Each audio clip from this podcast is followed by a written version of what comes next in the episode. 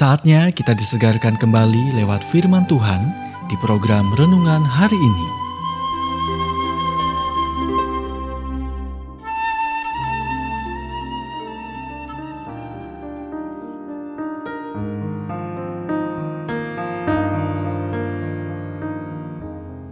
Renungan hari ini berjudul Fokus pada apa yang baik.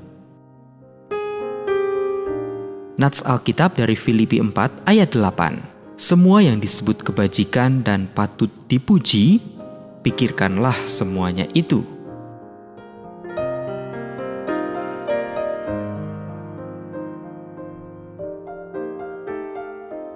Kita tidak perlu mencari terlalu jauh untuk menemukan hal-hal untuk dikeluhkan.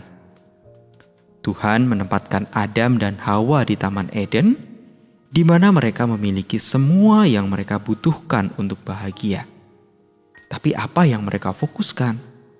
Satu pohon yang tidak bisa mereka miliki.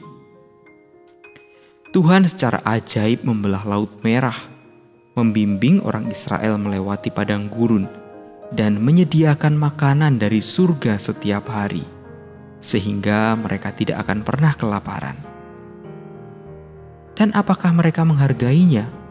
Ya, untuk sementara. Mereka menyanyikan pujian kepadanya, tetapi segera mereka melupakan perbuatan-perbuatannya.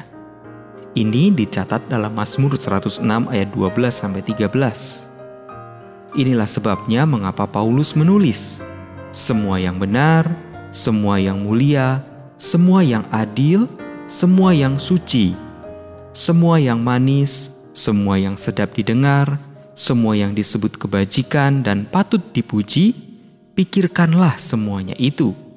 Maka Allah sumber damai sejahtera akan menyertai kamu. Kitab Filipi pasal 4 ayat 8 sampai 9. Jenderal Robbie Risner menggambarkan tujuh tahun yang dia habiskan sebagai tawanan perang di kamp Vietnam sebagai inti dari keputusasaan. Tetapi dia bertahan. Bagaimana? Dia membuka penutup dari saluran pembuangan lantai di selnya dan melihat sehelai rumput. Satu-satunya warna di dunianya yang tidak berwarna. Ia menyebutnya transfusi darah untuk jiwa. Risner memulai setiap hari dalam doa, berbaring di lantai dengan kepala di bawah lubang ventilasi yang berfokus pada satu helai rumput. Ketika segala sesuatunya tidak berjalan dengan baik dalam hidup Anda, Anda harus memilih apa yang akan Anda fokuskan: ketakutan atau keyakinan, keputusasaan atau harapan, masalah atau solusi. Bahkan ketika masalah tidak terselesaikan sesuai keinginan Anda, Ketika Anda fokus pada Tuhan, Dia mengangkat Anda di atas keadaan Anda dan memberi Anda kedamaian di tengah-tengahnya. Anda baru saja mendengarkan renungan hari ini. Kiranya renungan ini terus mengarahkan kita mendekat kepada Sang Juru Selamat, serta menjadikan kita bertumbuh dan berakar kuat di dalam Kristus.